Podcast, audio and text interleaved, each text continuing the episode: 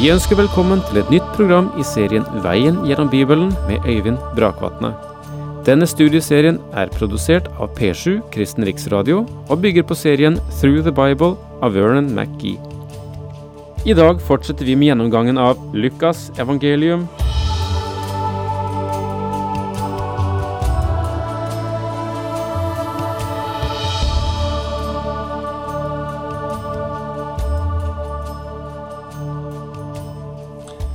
Vi befinner oss i Lukas evangeliets niende kapittel i gjennomgåelsen nå, og skal ta et nytt, lite skritt gjennom dette veldige riket som Den hellige skrift representerer.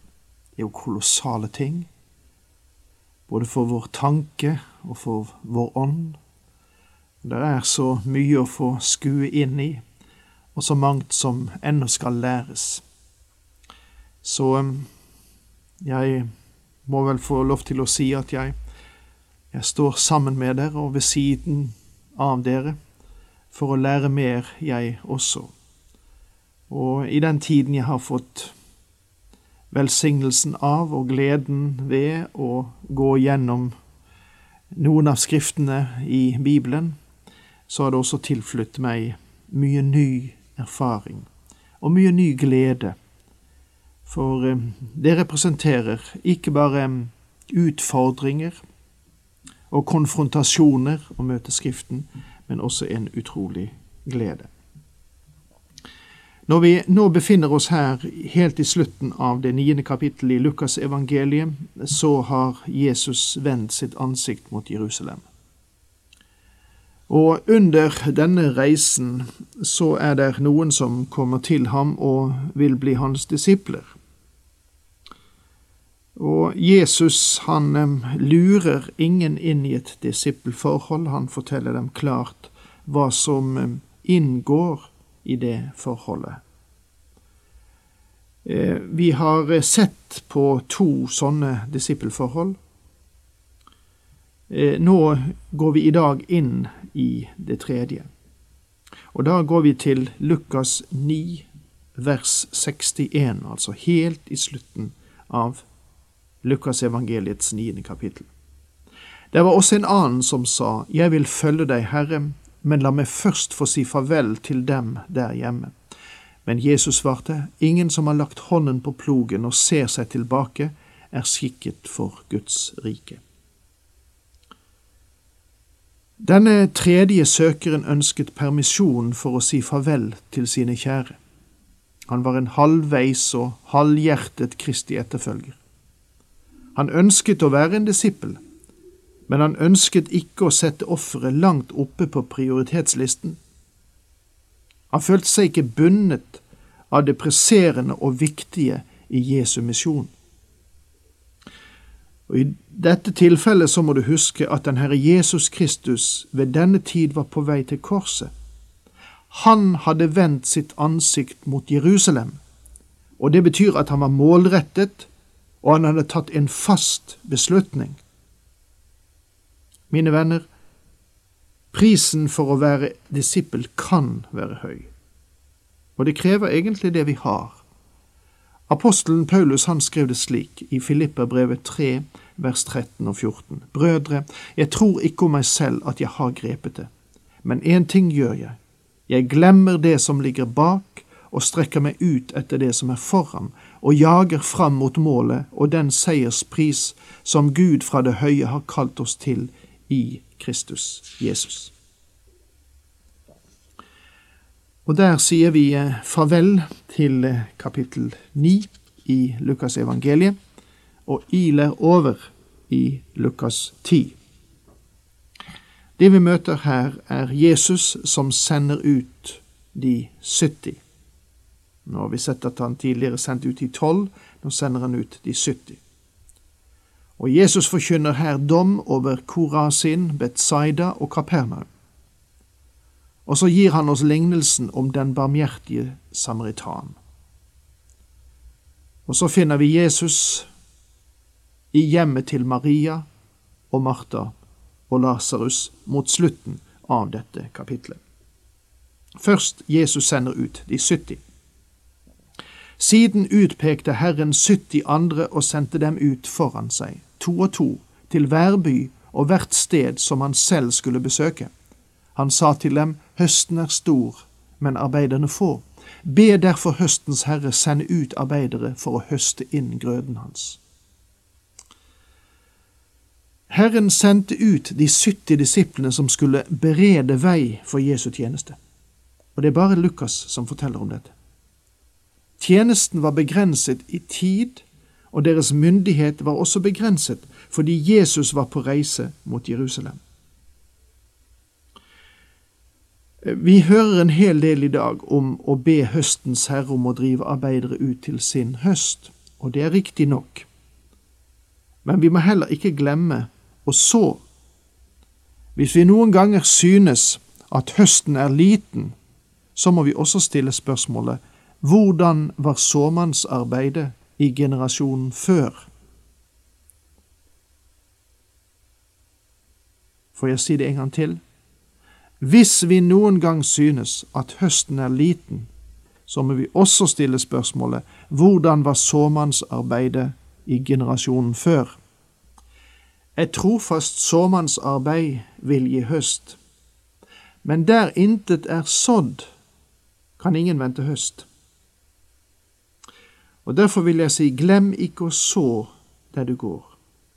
Og når du ber om at det skal drives arbeidere ut til en høst, så be også om at gode såmenn kommer på Herrens ord. Min oppgave er å så sæden som er Guds ord, og det er hver eneste kristens oppgave. Gå av sted, jeg sender dere som lam blant ulver. Ta ikke med dere pung, ikke vesk og ikke sko. Stans ikke på veien for å hilse på folk, men når dere kommer inn i et hus, skal dere si fred være med dette hjem. Om han som bor der vil ta imot fred, skal freden der kommer med, hvile over ham. Hvis ikke skal den vende tilbake til dere selv. Bli boende der i huset, og spis og drikk det de byr dere. For en arbeider er sin lønn verd. Flytt ikke fra hus til hus. Når dere kommer inn i en by, og de tar imot dere, så spis det de setter fram for dere. Helbred de syke som er der, og si, Guds rike er kommet nær til dere. Jesus gjør oppmerksom på at de kan vente vanskeligheter og farer og de vil være som får blant ulver. De skal reise med liten oppakning og ikke kaste bort tiden på unødig prat. De skal være menn som drives frem av en overordnet hensikt, og forberede hjertene for Kristi personlige kom. Men når dere kommer inn i en by, og de ikke vil ta imot dere, så gå ut på gaten og si, selv støvet vi har fått fått på føttene i byen deres, skal dere ha. Vi børster det av oss. Men det skal dere vite, Guds rike er kommet nær. Jeg sier dere, på dommens dag skal Sodoma slippe lettere enn den byen. Ved deg, Korasin, ved deg, Betsaida. Dersom de mektige gjerninger som er gjort hos dere, hadde skjedd i Tyrus og Sidon, ville de for lenge siden vendt om og kledd seg i sekk og aske men Tyros og Sidon skal slippe lettere i dommen enn dere. Og du, Kapernaum, du som vil opphøyes like til himmelen, til dødsriket skal du støtes ned. Den som hører dere, hører meg, og den som forkaster dere, forkaster meg. Men den som forkaster meg, forkaster ham som har sendt meg. Herren taler med tyngde og det alvorlige i å fornekte hans budbærere. Å avvise dem var å avvise ham. De 70 kom glade tilbake og sa, Herre, til og med de onde ånder adlyder oss når vi nevner ditt navn. Han svarte, Jeg så Satan falle ned fra himmelen som et lyn. Ja, jeg har gitt dere makt til å trå slanger og skorpioner under fot, og makt over alt fiendens velde, og ingenting skal skade dere. Og likevel, Gled dere ikke over at åndene lyder dere, men gled dere over at dere har fått navnene skrevet i himmelen. For å avslutte historien om de 70 beskriver Lukas det øyeblikket når de vender tilbake. De kom tilbake begeistret og oppglødd. Dette er samme erfaring vi har når vi gir fra oss Guds ord og noen kommer til Kristus. Hvor herlig det kjennes da! Hvilken verdifull lekse er det ikke for oss å huske Jesu ord. Gled dere ikke over at åndene lyder dere, men gled dere over at dere har fått navnene skrevet i himmelen. Hvis det er noen grad av suksess i vår tjeneste, så er det hans gjerning. Det er hans fortjeneste, og ikke vår. I samme stund jublet han i Den hellige ånd og sa, Jeg priser deg, Far, himmelens og jordens Herre, fordi du har skjult dette for kloke og forstandige, men åpenbart det for enfoldige. Ja, Far, for dette var din gode vilje. Alt har min far overgitt til meg. Ingen vet hvem Sønnen er uten Faderen, og ingen vet hvem Faderen er uten Sønnen, og den som Sønnen vil åpenbare det for. Da han var alene med disiplene, sa han til dem, Salige er de øyne som ser det dere ser. For jeg sier dere, mange profeter og konger ville gjerne se det som dere ser, men fikk ikke se det, og høre det som dere hører, men fikk ikke høre det. Nå kommer vi til en av de tingene som karakteriserer Lukas evangeliet, lignelsene. Lukas står fremst når det gjelder å fortelle lignelser, på samme måte som Markus fremhever seg når det gjelder undergjerninger. Lukas forteller disse lignelser som en blant de mest kjente i hele Bibelen. Lignelsene om den barmhjertige samaritan er kanskje den mest kjente fortellingen fra Bibelen. Noen litterære kritikere ser på den som den beste novelle som noensinne er fortalt. Da sto en lovkyndig fram og ville sette Jesus på prøve. Mester, sa han, hva skal jeg gjøre for å få evig liv? Lignelsen om den barmhjertige samaritanen kom som et svar på et spørsmål angående evig liv. Det var ikke et ærlig spørsmål, men det var et godt spørsmål og et grunnleggende spørsmål. Det var en lovkyndig som stilte spørsmålet, men han var ikke advokat i vår betydning av ordet. Han tolket Moseloven, og som sådan var han advokat.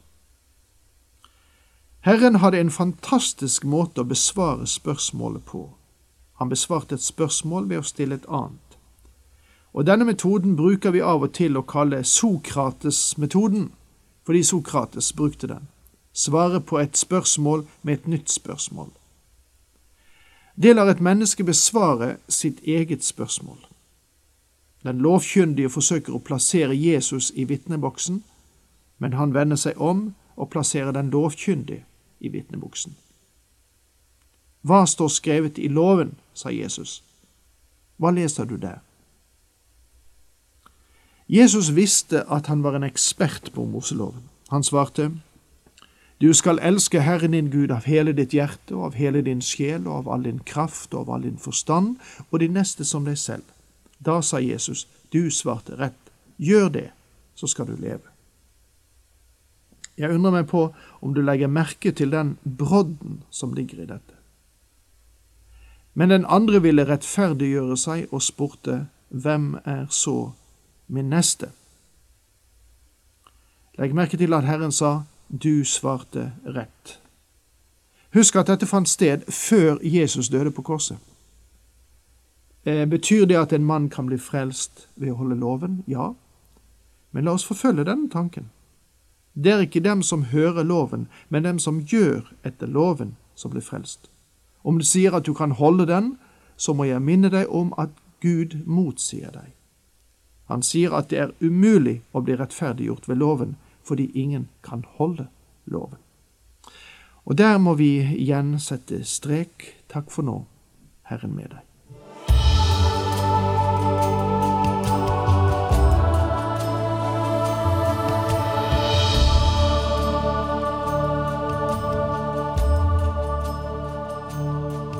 Du hørte Øyvind Brakvatne i studieserien Veien gjennom Bibelen.